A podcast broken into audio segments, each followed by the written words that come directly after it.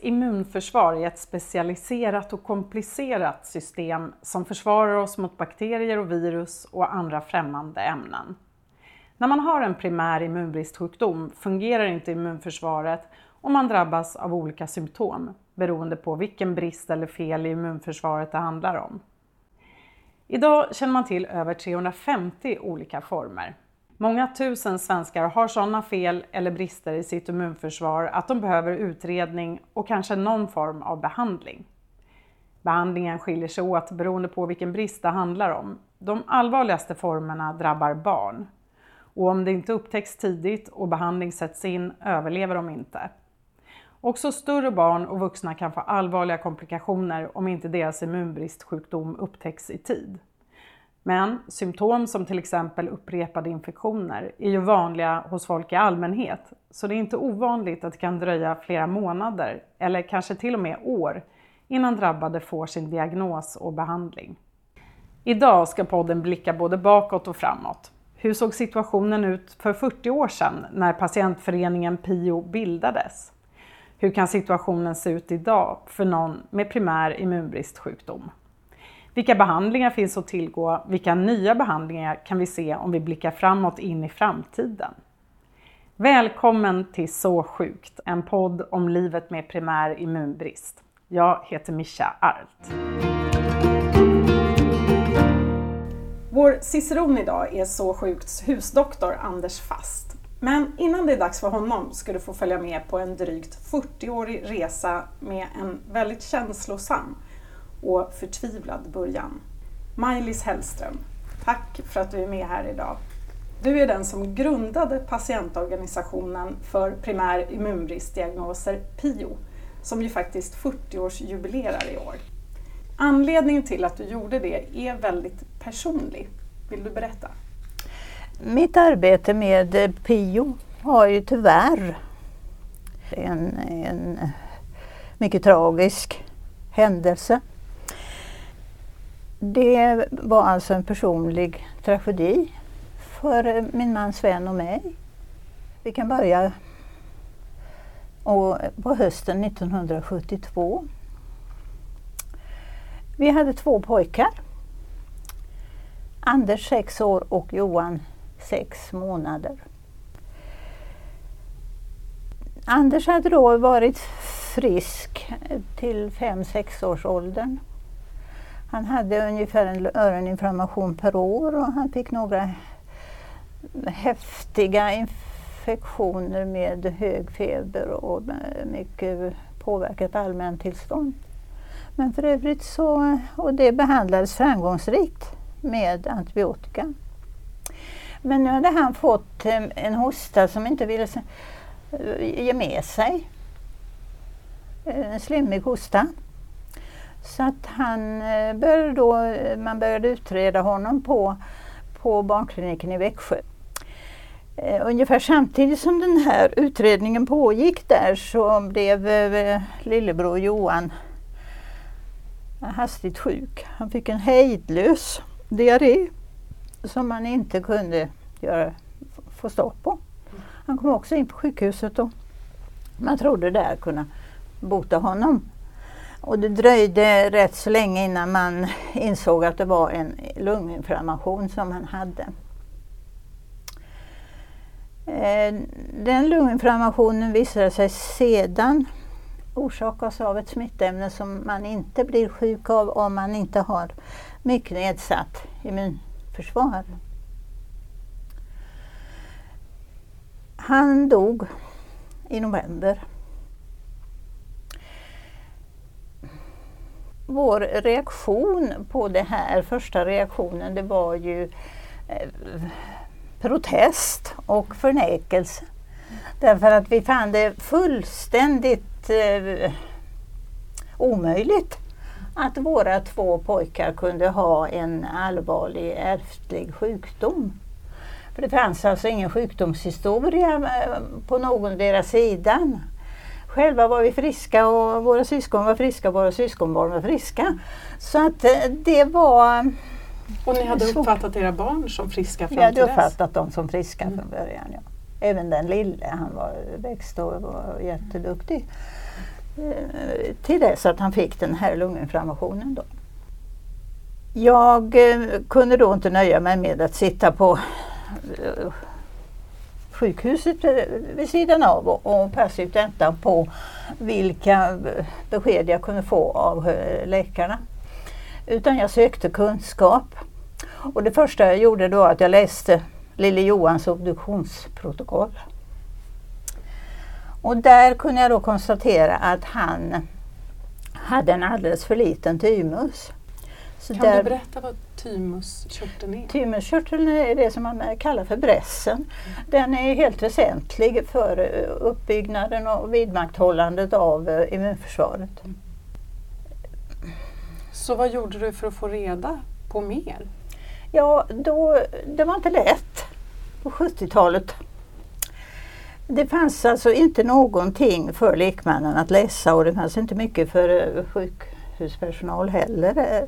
Så att eh, vad jag gjorde då det var att jag gick till Medicinska centralbiblioteket i Lund och läste eh, internationella medicinska tidskrifter. Och, och, det var ju en rätt stor tröskel att kliva över. För det var ju helt och hållet fackliga texter.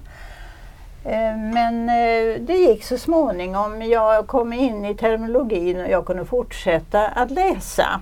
Och på det sättet eh, låg jag, vad det gällde kunskapen om vad som fanns, så låg jag i nivå med forskningens läge då på den tiden.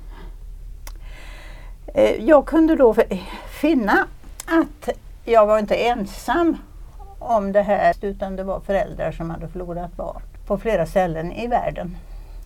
Men jag kunde också konstatera att det fanns en mängd olika sorters immunbrister.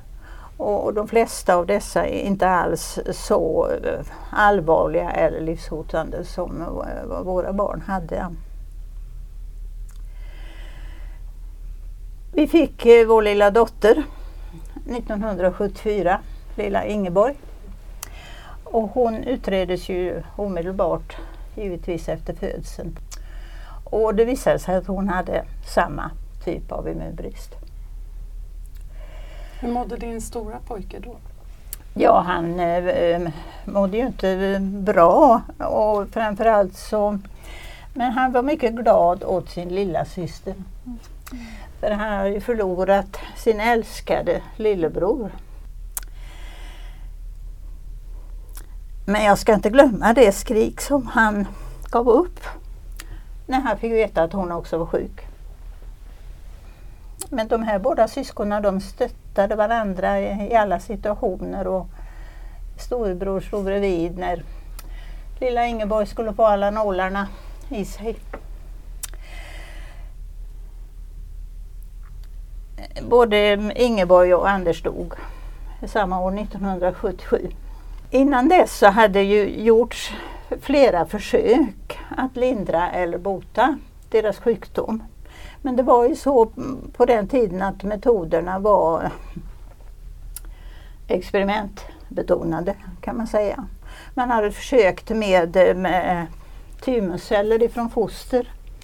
Foster som ändå aborterades och satte det mot bukhinnan försökte man göra och det fanns eh, immunstimulerande mm, preparat, så kallat tymosin som man försökte. Anders tog själv sina sprutor med det, men det, det hjälpte inte alltså. Ja, så var ju mor och far ensamma då.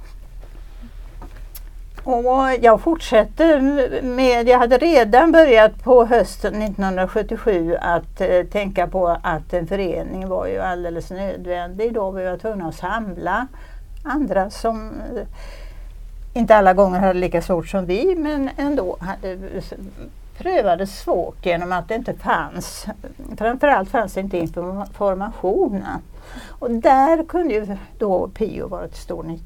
Men jag Men, måste bara fråga dig, ja, för när jag hör det här så, så tänker jag, hur orkade du det här? När du har förlorat tre barn och börjat engagera dig för andra? Det finns ju naturligtvis mycket att säga om det. det. Det är ju en eh, smärtsam process helt enkelt som man går igenom.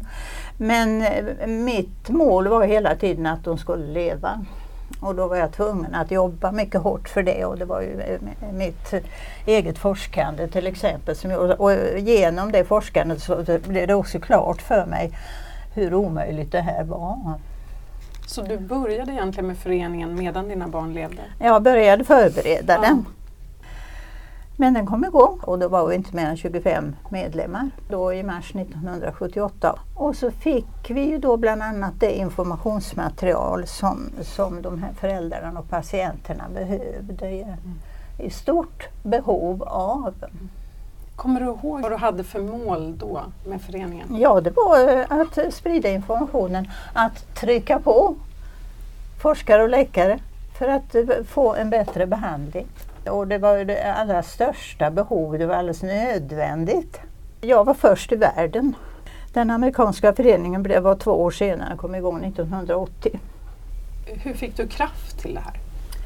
Jag vet inte för att jag, jag visste, alltså dels hade jag kunskapen och jag visste att det gick inte att rädda dem. Jag, det fanns inte någonting mer jag skulle kunna ha gjort.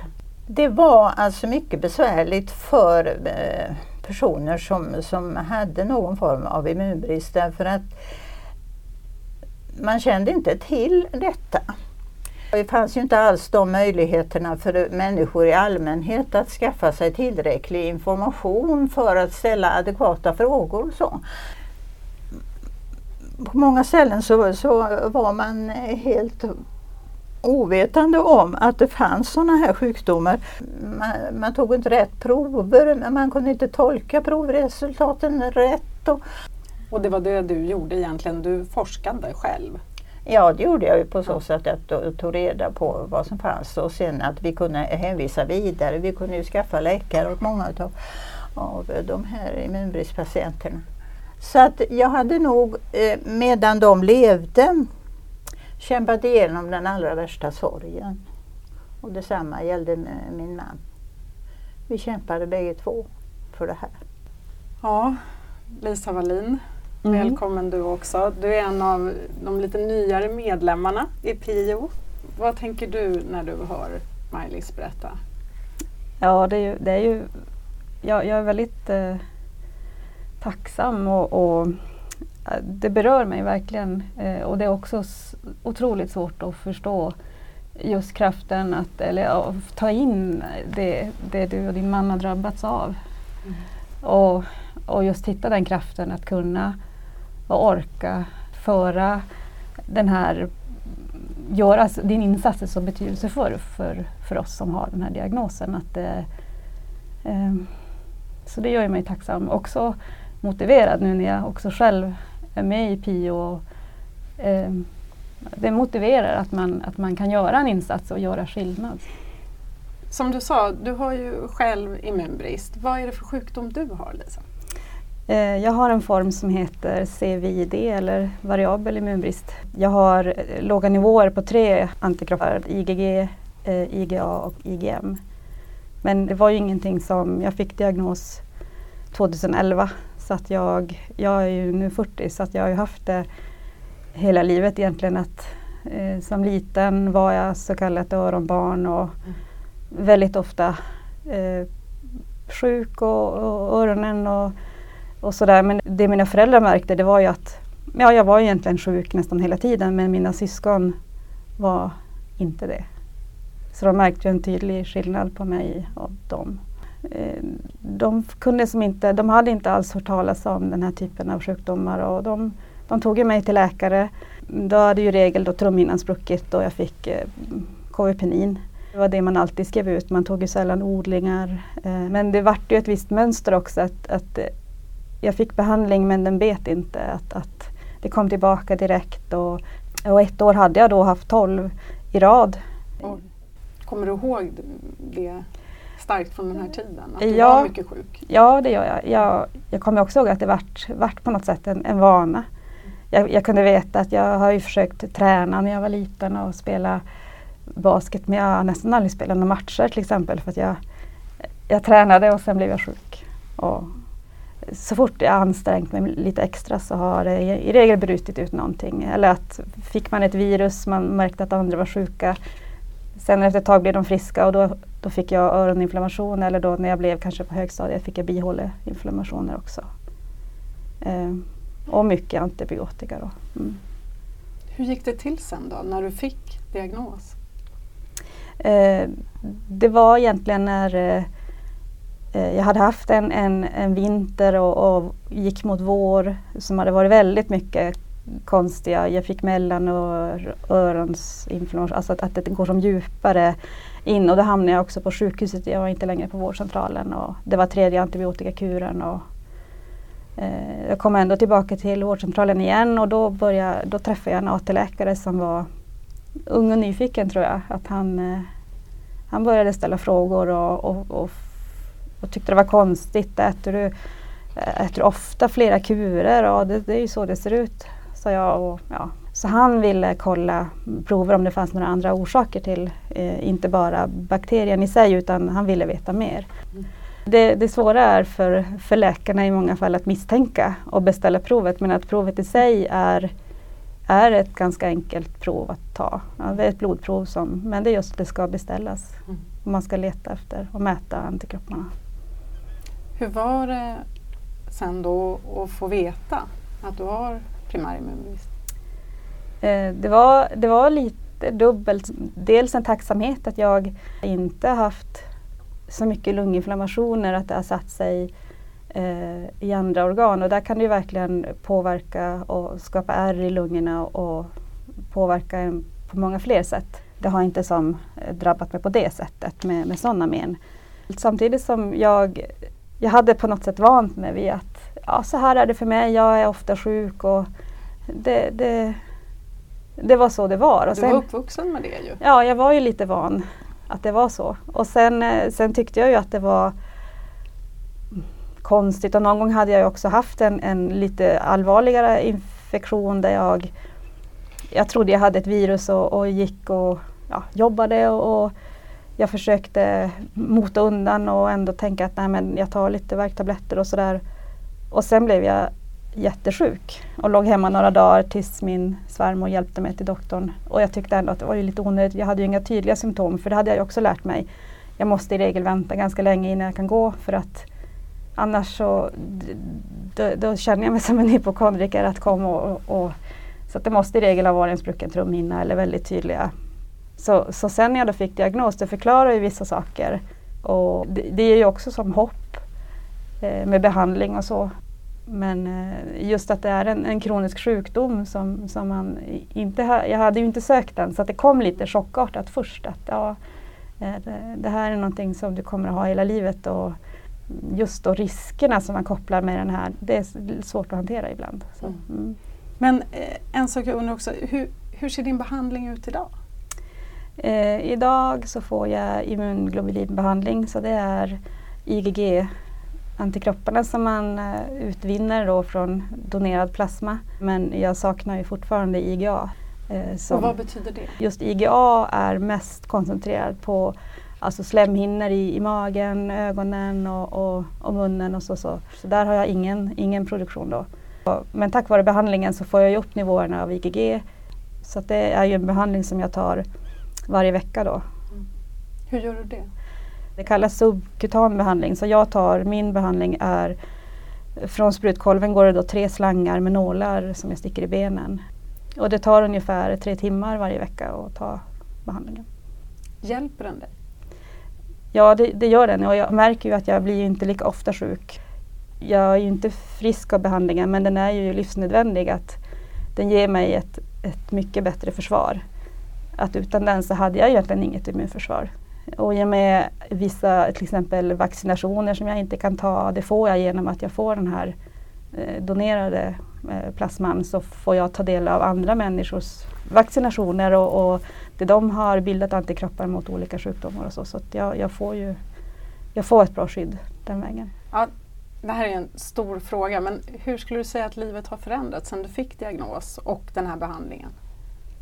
Det är ju en oro som finns som man måste bära på och hantera.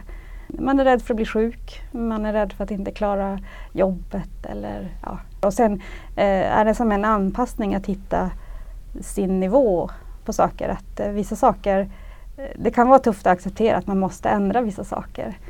Mm. Vad kan det vara till exempel? Det som egentligen påverkar mig mest idag det är eh, tröttheten. Jag går runt med en, en sjukdomskänsla i kroppen egentligen hela tiden. Så tröttheten och värken i kroppen eh, den är svårast att hantera. Eh, och sen när den gör att jag måste ställa in saker eller att jag vet att ja, men tar jag ut mig extra då blir jag sjuk och sådär. Eh, vi hade till exempel, en, jag var och fjällvandrade eh, och då tog jag det väldigt lugnt. Jag klarade inte av att följa med gruppen hela vägen. Och sen eh, kände jag att jag var helt slut och sen blev jag sjuk. Så det, det, är så tråkigt att och, ja, bli begränsad. Man vill ju... Behöva säga nej. Ja, behöva ja. säga nej. Och samtidigt så känner jag att jag, man kan inte sluta leva heller. Hur, tänker behandlingen som du sa, du gör det här några timmar i veckan och så här, hur, hur har din vardag förändrats sedan du började få behandling? Ja, det är just att eh, det kräver lite planering och man måste som bestämma då en dag i veckan man tar det och sen är det ju det är ju otroligt bra att kunna ta den hemma. Att jag ändå har en viss, ja, kan styra lite grann. Eh, jag har att jag kan jobba hemifrån och då brukar jag försöka ta den eh, samtidigt som, som jag jobbar hemma. Och ibland är det också svårt att orka jobba. Jag blir ganska påverkad av eh, behandlingen, att man blir trött och då sätter ju som på något sätt när kroppen fylls på med antikroppar, då börjar de här processerna jobba. Då känner man sig mer sjuk. Nu sitter ni här bredvid varandra. Du startade föreningen för 40 år sedan. Vad fick dig att engagera dig nu? Eh, jag gick ju med i samband med att jag fick diagnosen 2011. Men sen hade jag inte haft möjlighet att vara med vid något möte men just tidningarna och, och hemsidan och all information den har varit jättevärdefull för mig. Och, och sen också att det finns ett Facebookforum där man kan eh, ställa frågor till andra. Um, sen var det först då för ja, två år sedan tror jag det var att, att det hölls ett informationsmöte uppe i Luleå. Och då kände jag direkt hur värdefullt det var att träffa andra som som har sjukdomen eller en, ett barn. Eller, men också komma in att man får vara med på att det är sådana experter på området som kommer på årsmöten och håller föredrag. Och, och då får man namn på de här bra personerna som man kan fortsätta och leta i material och rapporter från. Och, nu tittar ni på varandra och, och nickar ja, i samförstånd. Det har ju hänt väldigt mycket på behandlingsfronten mm. sedan du tog initiativ till PIO. Idag kan man ju till exempel rädda livet på de flesta barn som föds. Vad tänker du om det? Ja, det kan jag ju bara glädja mig åt och det är också någonting som jag eh, har hoppats på från början att man skulle kunna utveckla den här stamcellstekniken på ett sådant sätt att alla kunde få ta del av den. Och man har ju också gentekniken och genterapin som man kan använda i vissa fall. Sen skulle jag ju önska att till exempel eh, Lisa här och andra som är vuxna eh, immunbristpatienter kunde eh, få någon bättre lindring och där man kunde peta in någonting helt enkelt så att de kunde bli friska också. För att det är ju ändå så att fortfarande är, dels är det fortfarande de som inte får diagnos och släpper sig fram så gott de kan. Och det, det, är ju inte tillfredsställande. Vad jag vill ha framförallt det är att läkarutbildningen blir bättre. Att man eh, får in eh, det här med immunsystemet, immunförsvaret och immunbristsjukdom i läkarutbildningen. Man har ju också funnit att snart sagt alla sjukdomar har någon relation till immunsystemet. Ta cancer, diabetes, reumatiska sjukdomar, vad du tar. Och därför tycker jag att när man eh, studerar eh, sjukdom och klinik då, då ska man börja i immunsystemet helt enkelt. Pio har ju gjort en eh, enkätundersökning bland sina medlemmar som visar att de flesta idag är nöjda med sin immunglobulinbehandling. Känner ni igen den här bilden? Är det vad ni får höra också? Ja, de flesta är nöjda med, att, med tillförseln utav immunglobulin. Det, det är vår uppfattning. Men då får jag svara personligt, just den här dubbelheten är att jag vet mm. att, att, det, att det räddar mig på många sätt men också att det, den får mig att känna mig också är lite sämre. Så att det är ju en dubbelhet i det. Men jag hoppas ju att det, man hoppas ju på att forskningen går framåt och att man hittar mer specifik ja, det kommer det att göra men det, det, det, det tar ju sin tid. Om ni bara får säga en sak nu som avslutning. Vad är det viktigaste som behöver göras för att vården och behandlingen ska bli ännu bättre nu inom de närmaste 40 åren? Jag finner, som jag sa tidigare, så tycker jag att sjukvården har en tröghet som är mycket svår att rå på. Men genom att man har insett då att till exempel immunförsvaret och immunsystemet är så viktigt för alla sjukdomar så borde det ju också bli en bättre kunskap om det. Och det är det eh, som måste till när det gäller de här sjukdomarna. Vad säger du Lisa?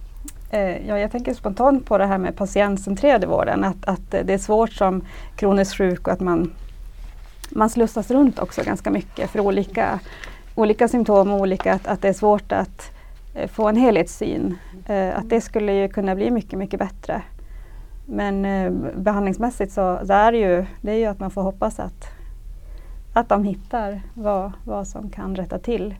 Mer egentligen alltså, problemet större än att, än att ersätta något som saknas, utan man kan gå lite djupare. Stort tack Maj-Lis och Lisa för att ni har varit med. Tack, Tack själv. Vi fick vara med. Ja. Nu har det blivit dags för Anders Fast, professor i pediatrik vid Drottning Silvias barnsjukhus i Göteborg och svara på faktafrågor om behandling. Hej Anders! Vi ska ju fördjupa oss i behandlingarna nu. Kan du bara dra vilka som finns? En första hörnsten, det är ju att behandla infektioner. Så vi behöver antibiotika. De vanliga antibiotika, ibland lite speciella antibiotika som inte kanske riktigt används på det sättet som står i FASS. Men antibiotika är en hörnsten. Från det kan vi säga att det är de som har brist på antikroppar, immunglobulin. Då är det ju att ge immunglobulin som då framställs från blod från givare. Sen kan det vara en benmärgstransplantation, vilket betyder att man slänger ut patientens defekta eller trasiga immunförsvar och ersätter det med ett nytt från en frisk individ. Efter stamcellstransplantation så har vi ju idag också en möjlighet, även om den inte är färdigutvecklad, så har vi möjligheten till genterapi. Det vill säga att man lagar det trasiga arvsanlaget och på det sättet botar. Och det här forskas det mycket i, eller hur? Ja, immunbrustsjukdomar är sällsynta sjukdomar. Och då kan man ju tänka sig, det är inte intressant att forska på det. Ta hjärtinfarkt, högt blodtryck, det känns mycket viktigare ur folksjukdomar. Men det har ju då visat sig att immunförsvaret till exempel har stor betydelse för eh, folksjukdomar. Behöver bara ta ledgångsreumatism, åderförkalkning, demens. Ja, immunsystemet är inblandat i mycket av detta. Det finns många andra stora grupper som kan tjäna på den här forskningen också. Absolut, och det är väl så att eh, just genom att forska på immunbristsjukdomar så har vi lärt oss de här sakerna. Men om vi benar upp de här lite grann. Om vi benar upp de behandlingar som finns, vilken är den vanligaste? Ja, den vanligaste är ju naturligtvis att ge antibiotika. Sen om man ser det både barn och vuxna så är det som kallas för vanlig variabel immunbrist den vanligaste immunbristen och där kanske det finns i alla fall ett par tusen i Sverige och det betyder att de saknar immunglobulin, gammaglobulin så de ska alltså få immunglobulin. Så antikroppsbrist och behandling med immunglobulin, ja det blir det vanligaste. Vad innebär det om du bara skulle förklara, vad är det? Vad är immunglobulin?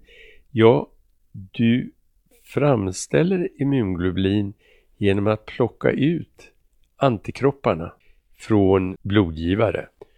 Och då finns det immunglobuliner av olika klasser. Vi har immunglobulin G och A och M och E och D. När, när började det här användas i Sverige? Oh, det vet jag faktiskt inte för vi pratar väldigt lite om det hela. Den första patienten, ja det var en patient som eh, hade som ofta kallas för Brutons sjukdom.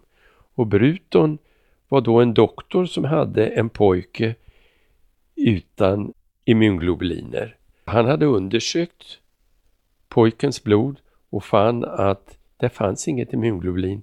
Samtidigt så visste han om att man hade framställt till, under kriget eh, och fått fram immunglobulin. Så han tänkte att om jag ger detta och han gav det och sprutade in immunglobulin under huden och fick då minskat antal infektioner. Sen av någon anledning så började man att ge det intramuskulärt, alltså i muskel och man kunde ge låga doser, en fjärdedel eller kanske en sjättedel av den dos som vi idag kan ge när vi ger det under huden. Vad fick det för betydelse för patienterna då? Ja, det, det har en enorm betydelse. Det var en kort överlevnadstid på inte så hemskt många år och man hade en immunglobulinbrist därför att man fick många infektioner och infektionerna förstörde lungorna. Så småningom faktiskt, ja vad kan det vara nu, fem, åtta år sedan, så gjorde man en sammanställning och den har blivit väldigt spridd. Därför den visade mycket klart att ger du så mycket immunglobulin så att patienten har 10 gram immunglobulin G per liter blod så har den patienten fem gånger färre lunginflammationer än den som bara har nått upp till 5 gram per liter blod. Så att det gäller att ge tillräckligt mycket och då kan man ge en väldigt bra livskvalitet. Kan du beskriva vad som händer i kroppen för den som får det? Mm. Ja, många tänker sig att immunglobulinet botar infektioner. Men egentligen är de målsökande robotar skulle jag likna dem vid. De hittar en bakterie, den som orsakar sjukdomen. De fäster sig på bakterien och då kommer de vita blodkroppar som vi kallar för granulocyter och monocyter att äta upp den här eh, bakterien med en antikropp på. Det blir så att säga en igenkänningssignal till de här vita blodkropparna att säga Hej, ät upp mig för jag är farlig. Hur kommer det sig att den här behandlingen används fortfarande? Ja, det var en konstig fråga, tycker jag. Men jag kan tänka mig att frågan ligger, varför tar ni inte och benmärgstransplanterar alla? Då skulle man ju faktiskt kunna bota dem. Men det är ju helt enkelt att lägga i vågskålen, vad vinner man med en transplantation? Vad vinner man med immunglobulin? Och sen får man lägga i vågskålen på transplantation riskerna med det hela och riskerna med immunglobulin i form av sig att det inte är tillräcklig behandling.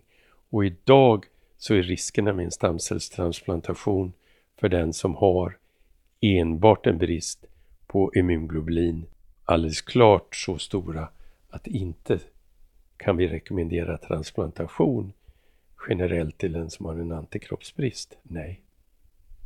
Vi ska återkomma till transplantation, men immunglobulin var inte heller riskfritt från början, eller hur? Nej, det är ju då framställt från blod som jag sa. Och eh, den som ger kan ju ha en infektion. Det kan ju vara en vanlig förkylning till exempel. Det kan vara ett farligt virus. Ta hepatit, gulsotsvirus som finns av flera olika slag.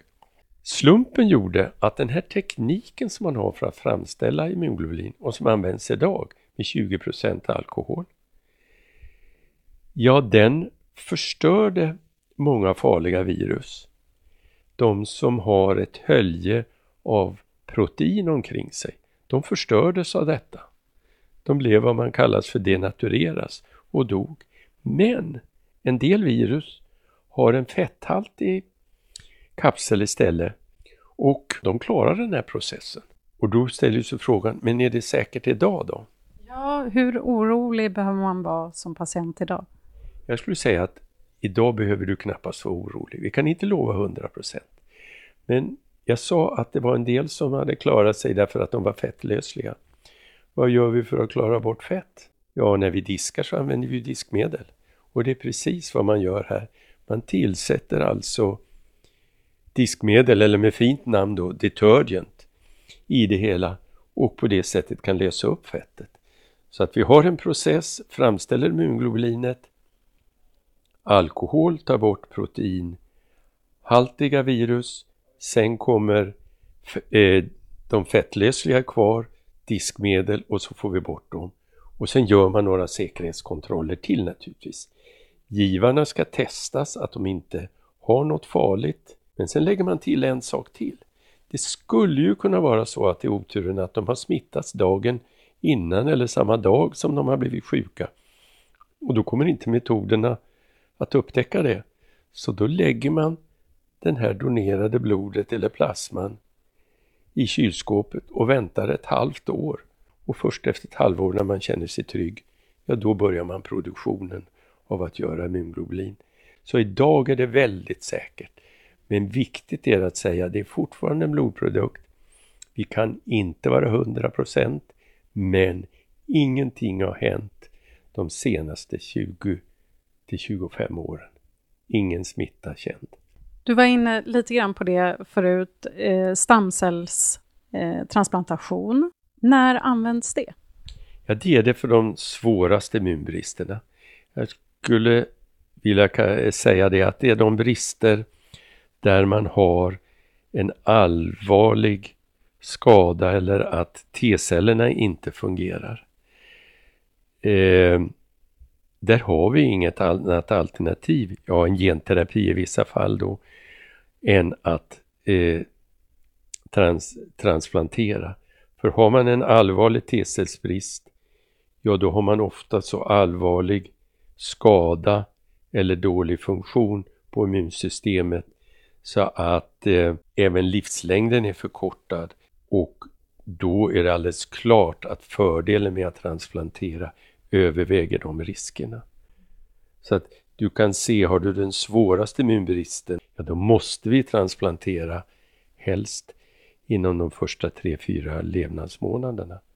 Andra har en kanske lite mindre allvarlig men kombinerad immunbrist, men vi ska transplantera i alla fall inom ett par år, alltså att patienten ska inte gå i flera år och vänta på transplantation. Du nämnde ju eh, några former där, men det finns ju så många så det går inte att ta upp alla en och en. Men jag tänker ändå att vi kan nämna några som är mer ovanliga också, som neutropeni, CGD, Chronic Granulomatous Disease. Uttalar jag det rätt? Ja, men eh, det är väl enklare att säga kronisk granulomatös sjukdom. Eller kanske inte enklare, men vi slipper krångla in ett främmande språk med det i alla fall. Ja, och, och så eh, Wiskott-Aldrichs syndrom. Ja. Hur ser behandlingen ut för dem? Neutropeni, eller som vi mera korrekt vill säga i det här sammanhanget, medfödd svår neutropeni.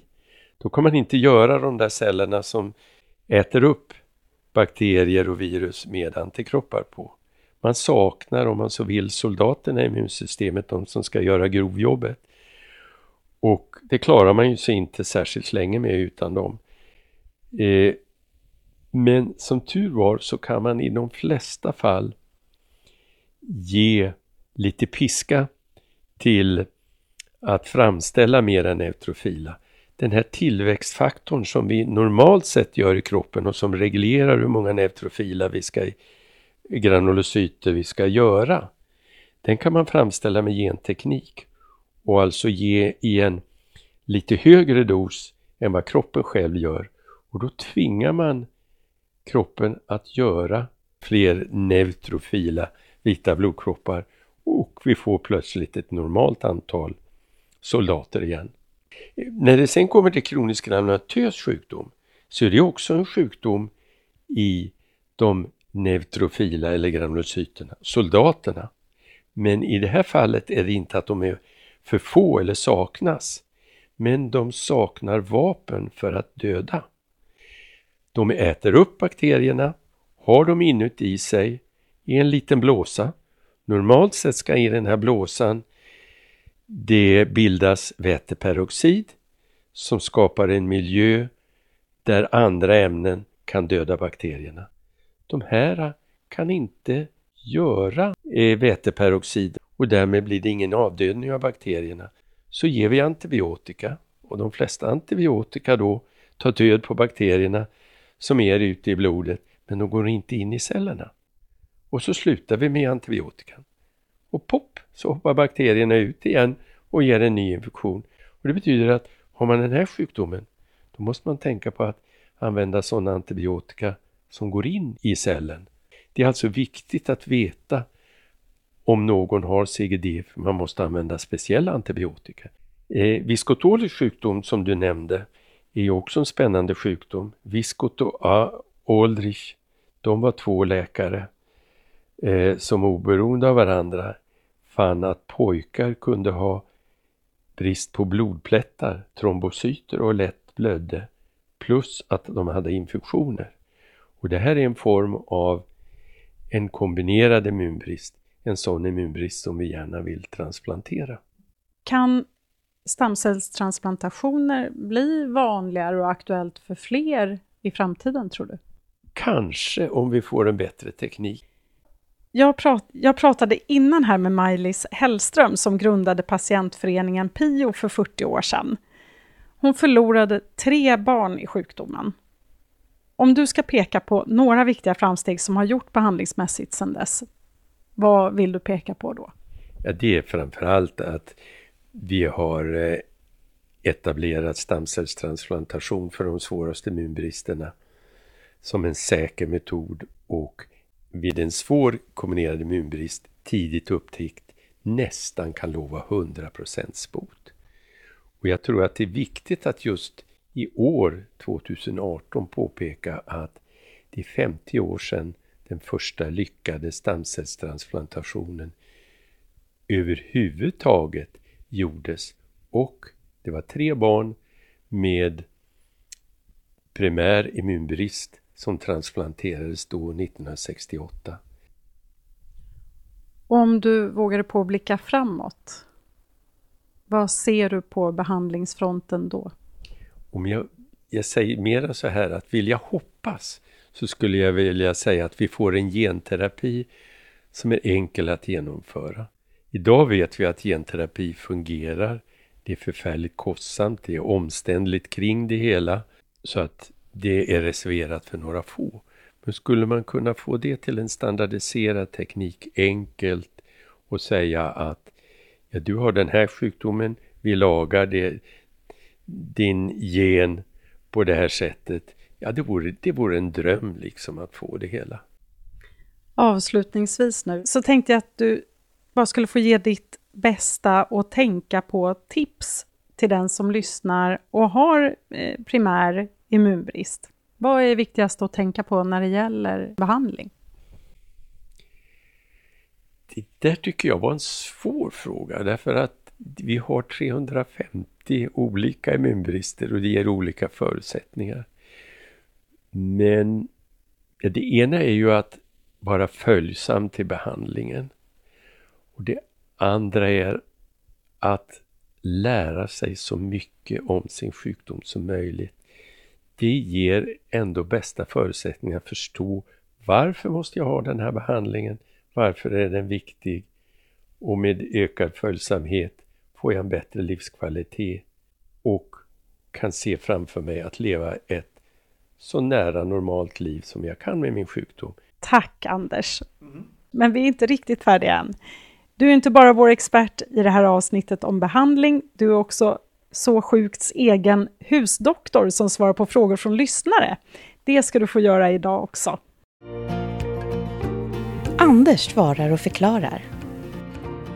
Mitt barn får subkutanbehandling med immunglobulin hemma och nu har han drabbats av stickrädsla som gör att han blir arg och ledsen och så blir det alltid stora scener vid behandling. Vad kan vi göra för att hjälpa honom? Ja, det där är ju ett bekymmer med de små barnen. Och det, man kan tänka sig två bitar som jag ser. Det ena är, har barnkliniken någon form av stickskola, alltså en eh, smärtklinik som kan ta hand om stickrädsla. Det är den ena biten. Den andra är att man under en period i alla fall övergår från den subkutana tillförseln till intravenös tillförsel. Då blir det var tredje vecka istället för varje vecka och det blir på sjukhus och man kan försöka att göra det lite extra mysigt på sjukhus när man är där. Och det är personal som är van att sticka, van att ta hand om det hela.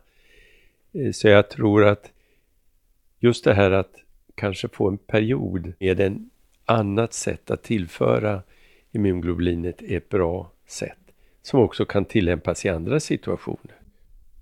Är det här vanligt? Faktiskt inte särskilt vanligt genom att vi redan från början tänker på att det ska vara ordentligt med bedövningssalva innan. Den ska sitta två timmar helst innan. Eh, att få bra undervisning på sjukhuset. Då brukar det att fungera. Så det är inte, det är inte vanligt. Men det förekommer, ja. Och då, då ska inte sjukhuset heller envisas med att fortsätta med det subkutana utan komma i en period med intravenöst och sen kan man komma tillbaka och förhoppningsvis under den tiden fått sin stickrädsla bearbetat av den som vet hur man gör detta. Just det, barnet kan få en paus och, och börja om Absolut. helt enkelt. Absolut. Tusen tack Anders! Och du är tillbaka i nästa podd också. Ja men det blir trevligt. Då hörs vi igen och så får vi se om det kommer fler frågor. Har du egna frågor till Anders Fast så kan du mejla dem till sasjukt.pio.nu sasjukt.pio.nu Det var allt för idag. Nästa gång ska du få träffa mor och dotter Döra Grip som ska dela med sig av sina erfarenheter av hur det är att leva med kronisk sjukdom. Tack för att du har lyssnat på patientföreningen Pios podd Så sjukt. Om du vill veta mer om primär immunbrist hittar du information på www.pio.nu. Där kommer också alla avsnitt av podden att läggas upp. Tack också till CSL Bering som Pio samarbetar med för att göra den här podden möjlig.